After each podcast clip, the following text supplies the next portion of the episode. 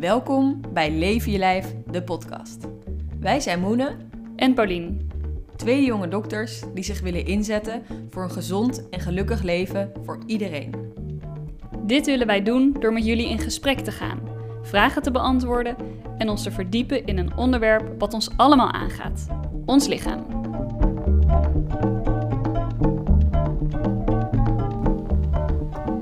Vandaag gaan we het hebben over een ander soort onderwerp dan we eerder gedaan hebben eigenlijk. We gaan het hebben over de laatste levensfase, wat een heel belangrijk onderwerp is, waar eigenlijk niet vaak over gesproken wordt. Uh, want een derde van de Nederlanders vindt het toch lastig om te praten over de dood. Terwijl meer dan de helft van de Nederlanders denkt dat praten over de dood angst voor de dood kan verminderen. Uh, en de dood op die manier gerust tegemoet kan gaan. Vandaag hebben we maar liefst twee gasten, dat is iets nieuws voor ons. We hebben Karin Pol, longarts in het Rode Kruis Ziekenhuis. En Jacqueline Rosemeijer, verpleegkundige. Jullie zijn allebei gespecialiseerd in palliatieve zorg. Superleuk dat jullie hier zijn, eigenlijk dat wij bij jullie zijn. En um, nou, mag je jezelf heel even voorstellen? Karin? Ja, ik ben uh, Karin Pol, uh, wat je zei, longarts in het Rode Kruis Ziekenhuis in Beverwijk. En ook uh, kaderarts palliatieve zorg. Dus dat betekent dat je een extra specialisatie hebt gedaan op het gebied van palliatieve zorg. En ik ben uh, Jacqueline en ik ben verpleeg, uh, palliatief verpleegkundige binnen het palliatief team. En verpleegkundige op de acute opnameafdeling. Uh, dus ik snijd een beetje aan twee kanten. Nou, we gaan het hebben over palliatieve zorg. Maar wat is dat precies? Nou, palliatieve zorg is de zorg die verleend wordt als een ziekte niet meer kan genezen. Maar ook al kan de ziekte niet genezen, dan kan diegene nog wel een tijd met die ziekte leven er zijn meer, bijvoorbeeld uh, ziektes zoals uh, kanker, uh, orgaanziektes, COPD, hartfalen, nierfalen, dementie of neurologische aandoeningen kunnen daarbij behoren. Ehm, je probeert wel de kwaliteit van het leven te behouden en als het mogelijk is, probeer dat soms nog wat te verbeteren in de palliatieve zorg. Want het kan soms jaren duren, het hoeft niet altijd heel kort te zijn. Dus ja, daar probeer je op te op in te spelen. Ja, we kijken uh, bij de palliatieve fase eigenlijk meer dan, dan in de, de genezende fase naar uh, niet alleen het lichamelijke stukje, um, maar ook naar hoe gaat het psychisch met iemand en hoe is de sociale situatie, uh, hoe is de spirituele aandachtspunten. En spiritueel wil zeggen ja, zingeving, wat is belangrijk voor iemand, wat geeft iemand, wat geeft betekenis aan het leven. Dus niet alleen maar lichamelijk, maar op vier vlakken kijken we dan. Ja, dat noemen we ook wel eens holistisch. Uh, ja, en wat je zei, uh, Jacques, uh, kwaliteit van leven staat voorop.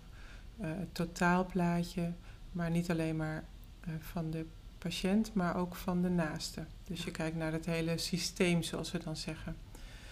Um, en we proberen um, door veel uit te leggen en te bespreken en boven water te krijgen wat voor iemand ja, heel belangrijk is, waar gaat het nou om voor iemand? Uh, daarmee probeer je ook iemand heel erg in de, regie, de eigen regie te, te behouden. dat het laatste stuk van het leven, of dat nou een paar dagen is, of een paar maanden of een paar jaar, dat dat gaat op de manier zoals diegene dat graag ingevuld wil hebben. Samen met de, de, degene die, die hem nastaan. Ja, dan de mogelijkheden die mogelijk zijn. Daar ja. probeer je iemand in te ondersteunen en voorlichting over te geven en in te begeleiden. Dat is eigenlijk het mooie ervan. Je krijgt hier dus dagelijks mee te maken. Maar wat doen jullie dan om voor jezelf goed te zorgen? Dus wat is voor jullie een gezonde leefstijl?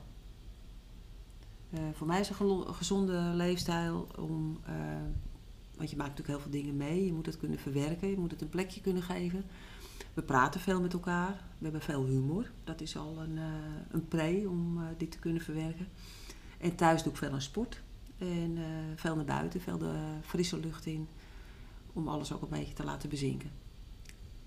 En voor jou, Karin? Ja, voor mij ja, grotendeels hetzelfde. Ik probeer eigenlijk net als in de palliatieve zorg ook voor mezelf goed te zorgen door naar alle aspecten te kijken. Dus inderdaad te sporten, um, gezond en lekker te eten, comfort, gezonde comfortfood te, te mhm. eten. Maar ook uh, te zorgen voor je ontspanning met, uh, met yoga en, uh, meditatie. Ehm, ja, dat soort dingen. Waarom is het nou belangrijk dat we dit vandaag gaan bespreken? Waarom is het belangrijk dat iedereen iets over dit onderwerp weet? Ja, ik denk dat een van de belangrijkste dingen uh, om het hierover te hebben of om hierover na te denken is uh, dat je het eigenlijk maar één keer kan doen. Um, en soms overkomt het je en dan is het fijn als je er van tevoren al over na hebt gedacht. Uh, verder is het denk ik heel goed om het te bespreken met je naasten. want als het gebeurt en je, je komt in de laatste levensfase of, of je sterft acuut en je naasten weten niet wat jouw wensen zijn. Dat kan, uh, dat kan heel belastend zijn. Terwijl als je het van tevoren bespreekt, dan weten je naast, oké, dit is in de wens van mijn geliefde. Dit wilde die wel, dit wilde die niet. En dat echt ja, onwijs, onwijs belangrijk. En verder denk ik dat het heel goed is om, om het te bespreken, zodat je angsten kan wegnemen. Ik merk vaak aan mensen in de spreekkamer, uh, als ik het zeg maar opengooi, dat er best wel soms vreemde of beangstigende ideeën in iemands hoofd zitten over een bepaalde ziekte, hoe dat dan gaat. Uh, of over hoe sterven dan gaat. En als ik dan die angsten kan wegnemen of kan verduidelijken hoe dingen soms lopen of wat we als zorgverleners kunnen betekenen voor iemand, dan uh, nou, dat kan echt heel erg gerust, geruststellen. Ja, dus vooral duidelijkheid en geruststelling, dat is heel belangrijk. Ja. Ja, het is, en het is ook fijn als de naasten weten wat uh, de patiënt wil in die laatste levensfase. Dat kan ook later bij de rouwverwerking verzachtend werken. Omdat ze dan, ik heb toch aan de wens kunnen voldoen, het was duidelijk. Ik, ik denk dat ik het mooi heb gedaan voor diegene zoals ze het gewild. Ik denk dat dat ook belangrijk is. dat je niet in de rouwfase met, nog met vragen en dingen blijft oh had ik het zo moeten doen of had ik het zo moeten doen. En ik denk dat ons doel van Moen en mij van deze podcast ook is om het mensen een zetje te geven om het iets bespreekbaarder te maken. Dus dat je na het luisteren van deze podcast, dat je misschien een aanleiding hebt om het hier met je familie eens over te hebben. Ja, of met je huisarts. Of met dat, huisarts, je, dat die deur open is en dat je uh, probeert het met elkaar te bespreken.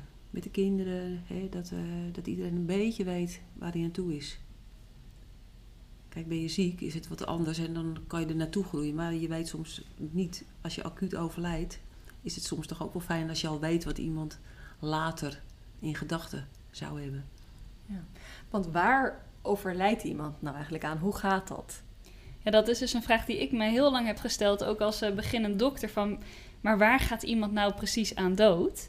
En toen heeft een kinderarts, die heeft mij een keer verteld, toen ik hem die vraag stelde van nou Paulien, uiteindelijk stopt bij iedereen het hart ermee. En dan ben je dood. En de redenen waarom dat hart stopt, ja, dat kan verschillende oorzaken hebben. Dat kan natuurlijk zijn bij een hartstilstand, wat heel acuut gebeurt. Maar dat kan ook zijn omdat het lichaam door een chronische ziekte dat het bepaalde organen niet meer goed werken en dat dan organen ja. niet meer functioneren, waardoor uiteindelijk ook het hart niet meer kan functioneren. En dat ook dan het hart stopt. Ja, en wat ik als longarts natuurlijk vaak zie, of vaker meemaak, is dat, uh, dat de longen falen.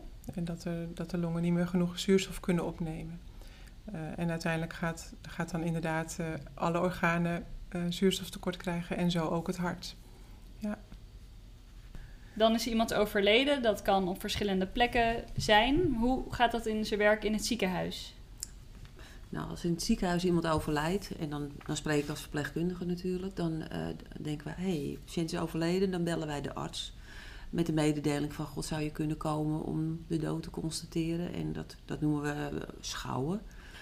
Als de arts de dood geconstateerd heeft, dan verzorgen wij de overledene, zorgen dat iemand gewoon netjes in bed ligt. Uh, nog even lekker een beetje opgefrist, dat het er mooi en, en sereen uitziet, zodat de familie dan afscheid kan nemen. Als de familie echt, afscheid heeft genomen, uh, ontvangen ze informatie over de periode daarna en waar de overledene naartoe gaat. En uit het ziekenhuis vandaan gaat iemand naar het mortuarium. Uh, in het woord mortuarium is een, koel, een koeling waar iemand in gaat. En dan neemt de familie contact op uh, met de, de, plaats waar de overledene ligt. En met de gekozen uitvaartverzorging. En die halen dan de patiënt of de overledene op. En als arts uh, gaan wij dan schouwen inderdaad. Mm-hmm. Dus dan kijken we of iemand echt is overleden. Nou, als dat het geval is, moeten we ook altijd nog twee vragen stellen aan de familie. Uh, was er een wens tot donatie? Ehm, en willen we een obductie? Karen, misschien kan jij iets vertellen over het uh, donatiestukje? Ja, als het, als het goed is, uh, heeft iemand aangegeven of die uh, wil doneren, ja of nee. Tenminste, je hoopt dat iemand dat heeft gedaan. als iemand het niet heeft aangegeven, dan wordt er vanuit gegaan dat je overigens toestemming hebt gegeven. Je kunt verschillende dingen doneren. Dan kun je ook aangeven of je orgaandonatie wil doen of alleen weefseldonatie. Wat we dan doen is dat we het donorregister gaan we dan bellen. Uh, om te controleren, heeft iemand aangegeven wat de wensen zijn, ja of nee.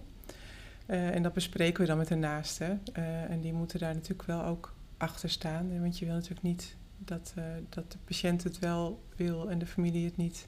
dat is natuurlijk heel erg naar, dus daar ga je het dan over hebben. Dus je checkt dat altijd. Bij orgaandonatie is het zo, dat zijn eigenlijk altijd mensen die hersendood zijn en op de intensive care uh, liggen, nog beademd en dat alle organen nog in goede conditie worden gehouden. Uh, en voor weefseldonatie, uh, dan hoeft iemand zeg maar niet meer in leven, kunstmatig in leven gehouden te worden. Ja. Dan kan je dus huid doneren, maar ook een deel van je ogen of ja. botten. Of... Ja. En dan vragen wij dus inderdaad ook of er een wens is tot obductie. Ja, ik vraag eigenlijk altijd aan mensen van, van is er de wens bij jullie dat we gaan kijken in het lichaam of we kunnen zien wat de doodsoorzaak is?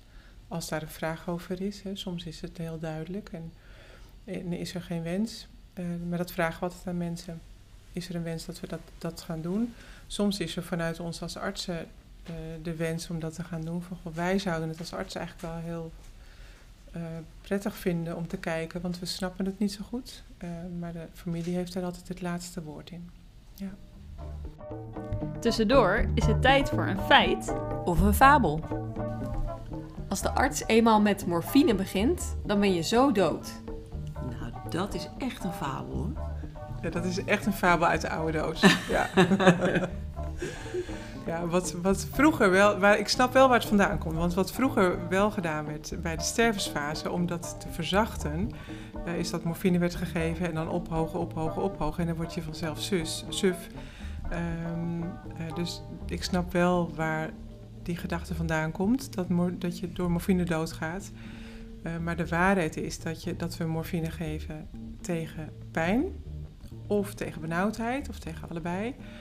Uh, maar dat je er niet dood aan gaat. We geven zoveel als nodig is om die klacht te verlichten. Dan, de meeste mensen sterven aan een niet-acute dood. Met andere woorden, we zien het overlijden aankomen.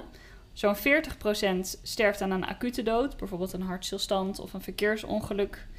Uh, maar daarnaast sterven mensen vooral aan de gevolgen van dementie of kanker. Wij gaan het nu vooral hebben over het stukje verwacht overlijden. Eigenlijk zijn er drie manieren waarop dat kan gaan. Eén is het lichaam stopt er gewoon vanzelf mee. Twee is iemand kan een euthanasiewens hebben en deze inwilligen. En drie is iemand sterft met palliatieve sedatie. Ja. Ja, en wat misschien nog wel belangrijk is om hierbij te vertellen, is dat uh, ik merk vaak bij mensen dat er veel verwarring is tussen palliatieve sedatie en euthanasie. Of dat dat met elkaar verward wordt, moet ik misschien zeggen. Um, maar er zijn twee, dus hele grote verschillen tussen die twee dingen. Want palliatieve sedatie is eigenlijk de situatie dat iemand stervende is binnen afzienbare tijd. En de, grens die we aanhouden is, we denken dat iemand binnen twee weken zou kunnen komen te overlijden. Dus iemand zit al in die stervensfase. En dat gaat gepaard met ontzettend veel lijden. Bijvoorbeeld pijn of benauwdheid of heel veel verwardheid. Uh, en dan geven we medicijnen om dat lijden te verlichten. Bijvoorbeeld pijnstillers uh, of andere medicijnen. Uh, maar als dat onvoldoende werkt, dan kunnen we iemand wat we noemen sederen. En sederen is een ander woord voor iemand in slaap maken. En dan zorg je er eigenlijk voor dat iemand die stervensfase al slapend doormaakt, zodat je die klachten die er zijn, die benauwdheid of pijn, dat je dat niet meer voelt. Dus palliatieve sedatie, dat is zeg maar het moeilijke woord voor Iemand is stervende met veel lijden en dat verlichten we door slapen. En euthanasie daarentegen, dat is eigenlijk, uh, iemand is nog niet stervende, maar er is wel een ondraaglijk lijden. En iemand vraagt aan de dokter, wil je mij doodmaken? Dat is eigenlijk wat euthanasie is. Palliatieve sedatie overkomt je eigenlijk. Je komt in de stervensfase met veel lijden en dat kunnen we verlichten met slaapmiddel. En euthanasie is, dokter, het leven is niet meer draaglijk, uh, wil je mij doodmaken? Dus dat zijn eigenlijk twee hele verschillende dingen die vaak wel met elkaar ver, uh, verward worden. Ja. ja, het is ook wel belangrijk om te beseffen dat je met die palliatieve sedatie niet de dood bespoedigt. Nee. Je begeleidt alleen iemand in het comfortabel zijn en um, ja. je bespoedigt de dood niet. Nee. En kunnen, ik noem het even patiënten, maar mensen die aan het sterven zijn en uh, palliatieve sedatie krijgen, kunnen die omstanders nog horen of naasten als ze in slaap zijn? Ik heb wel de gedachte. Ik heb wel de gedachte dat dat zo is. Omdat je soms aan bepaalde bewegingen of een oogbol die met gesloten ogen, als je die toch nog wat heen en weer ziet gaan, denk ik van nou, volgens mij hoor je nog wel. Of voel je nog wel Ja, misschien. ja. ja. Ja, het, het kan natuurlijk heel heftig zijn voor een familie. ehm, en wij krijgen dan ook wel eens de vraag van, ja, hoe lang gaat het nog duren? Dat is eigenlijk heel moeilijk om antwoord op te geven, want dat weet je eigenlijk gewoon niet. Nee, bij palliatieve sedatie bedoel je, hè? Ja, Ja. Nee, we weten uit onderzoek dat, dat de meeste mensen binnen twee, tweeënhalve dag eh overlijdt. Maar dat is een gemiddelde. Hè, dus, dus het kan tot twee weken duren. Dat zien we gelukkig bijna nooit hoor. Maar, eh, maar goed, de, de werkelijkheid is dat je het niet goed kan voorspellen. ik denk ook dat het belangrijk is om te beseffen en te bespreken dat deze begeleiding bij de laatste levensfase hoeft niet alleen in het ziekenhuis plaats te vinden, want je kan ook thuis sterven met begeleiding of met palliatieve sedatie, maar ook in een hospice. Eh, kun je daar wat over vertellen? Nou, voor de thuissituatie weet ik dat als mensen in het ziekenhuis de laatste fase ingaan, maar graag thuis willen sterven, dat daar kan thuiszorg op ingezet worden. De transferverpleegkundigen zorgen voor thuis ook dat alle benodigdheden aanwezig zijn die je nodig hebt om iemand goed te verzorgen. En de thuiszorg, dat kan je of in momenten overdag, eh, maar dan vaak wel nachtzorg, want dan kan de partner slapen en dan is er iemand die wakker waakt bij de patiënt, zeg maar. Of je kan 24 uur iemand in huis eh, hebben die zorg verleent, maar dat is vaak wel een inbreuk op je privacy. En in het hospice, ja, dat is hele warme zorg. Dat wordt vaak overdag door vrijwilligers gedaan, maar er is altijd wel een verpleegkundige achterwacht. En een huisarts bij betrokken die eh, in kan springen op het moment dat iemand niet meer comfortabel is. En de huisarts die kan ook palliatieve sedatie uitvoeren in de thuissituatie, Ja. toch? Zeker, Ja. ja. Nou, nu hebben we het echt over. Die woorden zijn ook eigenlijk verwarrend. Dus palliatieve sedatie, palliatieve levensfase. Maar we hebben het nu gehad over palliatieve sedatie. En dat is dus echt het in slaap brengen van iemand. En dat is onderdeel van het hele palliatieve traject. Maar wanneer begint dat nou eigenlijk, die palliatieve zorg en dat traject? Ja, wat goed dat je dat zegt, want dat is vaak wel een grote verwarring ook onder zorgverleners. Eh, palliatieve eh, zorg wordt vaak verward met stervenszorg, alsof dat het enige eh, stukje is. Maar palliatieve zorg begint eigenlijk bij een diagnose eh, waaraan je niet meer, waarvan je niet meer beter wordt. Dus bij mij op de polykliniek bijvoorbeeld bij een, eh, een ernstige vorm van COPD. Ja, Als ik die diagnose stel, dan begint dan eigenlijk al de palliatieve fase. En wat bespreek je dan eigenlijk in zo'n gesprek? Ja, dat is eigenlijk een, eh, een heel rijtje van dingen. Ehm, een concreet voorbeeld is eh, dat je bespreekt: wil je wel of niet nog gereanimeerd worden? Eh, wil je wel of niet nog een behandeling op de intensive care of op de hartbewaking? Dus hele, eh, hele ja, heftige, zware behandelingen. Wil je dat nog wel ondergaan, ja of nee? Maar ook bijvoorbeeld stel dat je jezelf niet meer goed kan uiten. Wie is dan jouw wettelijk vertegenwoordiger? Heel praktisch. Ehm, hoe ver wil je gaan in je, in je behandeling van de, van de klachten? En wat is voor jou belangrijk? Wat is jouw prioriteit in het leven? Ehm, maar ook dingen als... ehm, want ik, ik bespreek dit natuurlijk vanuit eh, de, de polykliniek in het ziekenhuis. En dan, dan vraag ik ook wil je überhaupt nog wel naar het ziekenhuis komen? Als je bijvoorbeeld een longaanval hebt of als je een longontsteking of iets anders hebt waar je normaal gesproken mee naar het ziekenhuis zou moeten. Maar wil je dat nog wel? Of wil je dan dat de huisarts eh, alles doet wat hij of zij kan in de thuissituatie om te zorgen dat het comfortabel is. Eh, dat soort vragen bespreek je dan eigenlijk. Ja. En, eh, maar ook eh, wat wil je rondom het sterven? Waar wil je sterven? De meeste mensen willen heel graag in hun eigen omgeving sterven, thuis sterven. En, nou, dan weet je dat je alles op alles moet zetten om dat voor elkaar te krijgen. Wat niet altijd lukt, maar dat, dat is dan wel je insteek. En sommige mensen, we hebben het ook wel eens gehad in het ziekenhuis, dat, dat een partner juist zei van, oh dat vind ik heel eng. Ik wil juist niet dat het Hm. sterven thuis is, maar hè, dan kan je een hospice bespreken. Ja, dus al die, eh, wat we eigenlijk kort gezegd noemen, de wensen, maar ook de grenzen van wat iemand wil, eh, dat zet je dan op een rijtje. En wat ook belangrijk is daarbij, is dat het, dat kan veranderen. Hè? Want ik bespreek het vandaag. Eh, en dan gaat iemand er natuurlijk over nadenken en je gaat het er thuis over hebben. En soms is het dan zo dat iemand er de volgende keer op terugkomt van, nou, ik zei dat toen wel, maar ik heb er nog zo over nagedacht. En eigenlijk wil ik het zus en zo. Hè? Dus het is niet een vaststaand iets. Als je eenmaal iets gezegd hebt, dan is het zo. Nee, het kan, het kan veranderen. En wat, wat ik eh, dan ook altijd doe, is dat ik aan de huisarts doorgeef van, nou, we hebben dit besproken. Dan kan de huisarts daar ook weer op doorpraten met, eh, met diegene. Dus eigenlijk is het, in tegenstelling tot ehm, curatieve zorg, is het echt heel erg anticiperend. Je gaat voorbereiden op wat er mogelijk komen gaat. Dat is Ja. eigenlijk wat je dus bespreekt. Ja, dat is een heel belangrijk begrip in de, in de palliatieve zorg. Dat je probeert vooruit te zien van hé, hey, als dit gebeurt, wat wil je dan? Wat kunnen wij dan betekenen? Wat kunnen we niet betekenen? Vooruitkijken. Ja, ja dat klopt. Dat is een goede aanvulling. En dat, juist dat anticiperen neemt ook heel veel zorgen weg. Dus, dus in zichzelf is het bespreken van dit soort dingen, vind ik vaak ook al een behandeling. Vaak zijn mensen ook al minder bang, hebben minder zorgen, weten al wat er wel en niet kan. Ik denk ook dat het belangrijk is om te beseffen dat als je niet meer kunt genezen, dat het niet daar ophoudt. Dat je dan nog een hele hoop dingen kunt doen, ondanks dat je niet meer te genezen bent. Dan Ja. is daar nog een heel traject wat je, wat je ingaat, dus palliatieve zorg.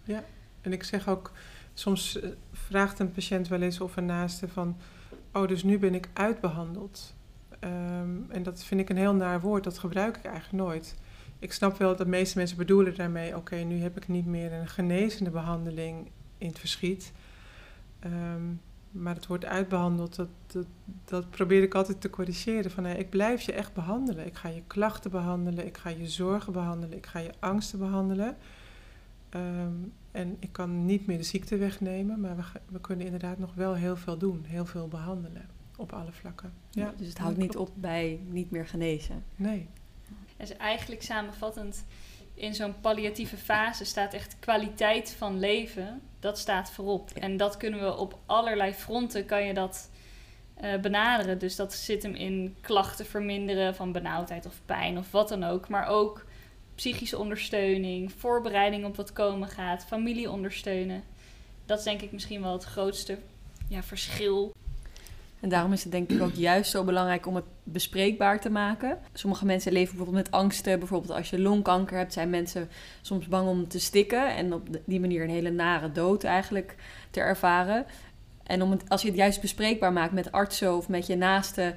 dan kun je dat ook voorkomen of dan kun je bespreken wat de mogelijkheden zijn. Hoe maken jullie dat bespreker? Hebben jullie tips voor mensen? Wat ik vaak zie is dat naasten elkaar proberen te beschermen. En daardoor dingen soms juist niet durven te vragen of te zeggen. En als je op een gegeven moment ziet dat, je, dat het wel opengebroken wordt... Door, doordat jij het openbreekt of doordat mensen toch aan jou als hulpverlener dingen durven te vragen... dan gaat er... Ja, dat is echt een zucht van verlichting. Dat je het er wel over kan hebben. Oh, is dat jouw wens? Oh, dat heb ik nooit geweten. Wat fijn dat ik dat nu weet. Eh, dus, dus het moment dat je het wel gaat doen, dan gaan er echt deuren open. Dus ik gun dat inderdaad eh, iedereen. Ja, en wat voor, wat voor dingen kun je vragen? Eh, bij die sierencampagne worden dooddoeners inderdaad eh, genoemd. Hè? Dingen die je echt niet moet zeggen. Ehm, ja, zinnen zoals wij het een beetje doen in het ziekenhuis... is, is dat je niet vraagt eh, bijvoorbeeld hoe gaat het met je? Niet dat dat nou heel verkeerd is, maar als iemand net iemand is verloren, kan je misschien beter vragen: red je het een beetje? Ehm, of kan ik iets voor je doen? Dat is, zijn soms makkelijkere vragen dan Hoe gaat het met je? Dan moet iemand bedenken, oké, misschien zitten die anderen helemaal niet te wachten op dat, het, dat ik vertel dat het eigenlijk heel shit met me gaat. Dat het helemaal niet goed gaat. Dat ik nog steeds elke dag verdrietig ben. Terwijl als iemand vraagt, red je het een beetje? Dan laat diegene zien dat je snapt dat het nog waarschijnlijk helemaal niet lekker gaat. En dat je dat erkent. Dus dat, dat soort zinnen kunnen heel helpend zijn. Of bijvoorbeeld, ben je ergens bang voor? Kijk, wij vragen jullie als palliatief team regelmatig in consult, als, wij als arts zijnde. En dat is dan in het ziekenhuis, eh, bijvoorbeeld als iemand toch ineens onverwachts een hele slechte eh, diagnose krijgt, bijvoorbeeld eh, uitgezaaide kanker. Ehm, en dan vraagt het palliatief team, hoe begin jij, Jacqueline, hoe begin jij zo'n gesprek dan met iemand? Ik, ik zeg sowieso van, we zijn van het ondersteunende team en wij hebben begrepen dat u eh heel akelig bericht heeft gehad. Vindt het goed dat ik even bij u kom zitten? En dan, ik ga er nooit alleen heen. Ik ga meestal samen met eh, een van de geestelijke verzorgers. En dan eh, altijd wel altijd vragen, vindt het goed als we even bij u komen zitten? En dan ja, even een hand op iemands been of op iemands hand leggen. En dan, goh, wat, een, eh, wat voor bericht heeft u gehad? En hoe, is dat voor u? Nou, dan gaat het eigenlijk vanzelf. En als je het samen met iemand doet, dan krijg je echt wel een gesprek. Want wat de een niet zegt, dat zegt de ander. En ja, we krijgen eigenlijk altijd heel veel eruit. Maar voor het stukje bespreekbaar maken, eigenlijk begin jij dus met een hele open vraag. Hoe is dat voor u, Ja, deze diagnose? Dat is eigenlijk hoe jij het gesprek dan begint. Ja, het hangt Ja. wel eens vanaf per persoon, maar meestal wel. Ja, en ook misschien voor partners en familieleden is dit ja. een mooie vraag, inderdaad, al- als tip, soort van die met elkaar kan bespreken. Van wat is nou nog belangrijk voor jou? Of, of hoe is dit nou voor jou? Het zijn Ja. mooie open vragen om, om dat gesprek aan te gaan. Ja, want die bucketlist waar iedereen het over heeft, die hoor ik nooit door in de spreekkamer. Mhm. hè? Want wat is nou belangrijk voor jou? Nou, echt niet nog eh, die reis Bungee of dat doen of bungee jumpen. Nee, eh, dat is vaak kleiner. Samen zijn, die nog zien, dat nog kunnen doen, boodschapjes kunnen doen. eh, Energie hebben voor. Hè. Energie kunnen, hebben voor. kunnen natuurlijk met, ook met medicijnen soms nog wel wat opkrikken. Dat je daarnaar kijkt, weet je wel. Dat, Ja. dat ze nog, het stukje wat er dan nog is, dat je dat probeert te optimaliseren. En wat ik hier eigenlijk uit het hele gesprek ook wel terug hoor, is heel veel mensen associëren het, het einde van het leven of de laatste levensfase met iets wat heel verdrietig is. Maar het kan ook eigenlijk iets, iets moois zijn en iets wat verbindt. Dus wat is jullie ervaring daarmee? Ja, Ja. ab- abso- absoluut verbindend. Ja. Als, ik, als ik in de spreekkamer kijk, dan, dan zie ik inderdaad eh, dat, je, dat ik veel, veel contact krijg met iemand. Want als het, zeg maar, het masker valt af, eh, je, hoeft, je hoeft niet meer te doen alsof. Dus je ziet eh, vaak hele pure mensen en je hebt hele pure gesprekken. Dus ik voel me echt super bevoorrecht dat ik daar ja, getuige van mag zijn en dat mensen je vertrouwen daarin en dat je soms wat kan betekenen daarin. Eh, dus ik vind het heel verbindend. Er is een, echt een heel puur en echt eh, contact met mensen. Samenvattend wat we nu hebben besproken, dat je kan heel, op heel veel vlakken uitweiden. Maar wat denk ik heel belangrijk is, is dat de palliatieve fase is dus een fase die ingaat als je een ziekte hebt die niet meer kan genezen. En dit kan jaren zijn, dit kan een heel gedeelte van je leven uitmaken. En dan heb je daarin ook nog echt dat laatste stukje van het leven. En dan hebben we het gehad over verschillende manieren waarop je kan overlijden. En daarin zit dan weer palliatieve sedatie als mogelijkheid. Of euthanasie, of dat het lichaam vanzelf ermee stopt. En eigenlijk is altijd het doel om dat zo comfortabel mogelijk te hebben. Waarbij kwaliteit van leven echt op nummer 1 staat. En wat we nou mee willen geven is maak het bespreekbaar. Bespreek het met elkaar. Zeg wat je wil. Vraag aan de andere mensen, aan je dierbaren wat ze willen. En wacht daar niet mee tot het allerlaatste moment. Of maar, dat het niet meer kan. ja. Ja. Dat is mooi voor woord, denk ik. Ja, we hadden het niet Ja. mooier kunnen zeggen. Nou, tot slot vragen we aan iedereen nog ehm, wat jullie geheim is voor een gezond en gelukkig leven. Ja, wat is mijn geheim? Ik, eh, mijn geheim is natuurlijk mijn, mijn gezin. Dat meen ik echt hoor. mijn gezin, mijn man, eh, mijn hond natuurlijk en de familie om me heen. Ja, mijn sociale leven, mijn sport. Eh, de dansavondjes, de humor. Ja, dat. En als je dat eh, doet, dan hou je het lang vol, denk ik. En voor jou, Karin? Ja, voor mij is dat lief zijn voor jezelf, Lief zijn voor degene van wie je houdt. Lief zijn voor de mensen met wie je werkt. Lief zijn voor de wereld. Nou, superleuk. Ik vond het echt een hele leuke podcast. Iets heel anders dan wat we andere keren doen. Maar ik denk zeker net zo belangrijk. Ja, bedankt voor jullie eh, mooie woorden en jullie eh, toelichtingen. Nou, dank Ja. voor de gelegenheid om dit met jullie te delen. De mooie warme zorg.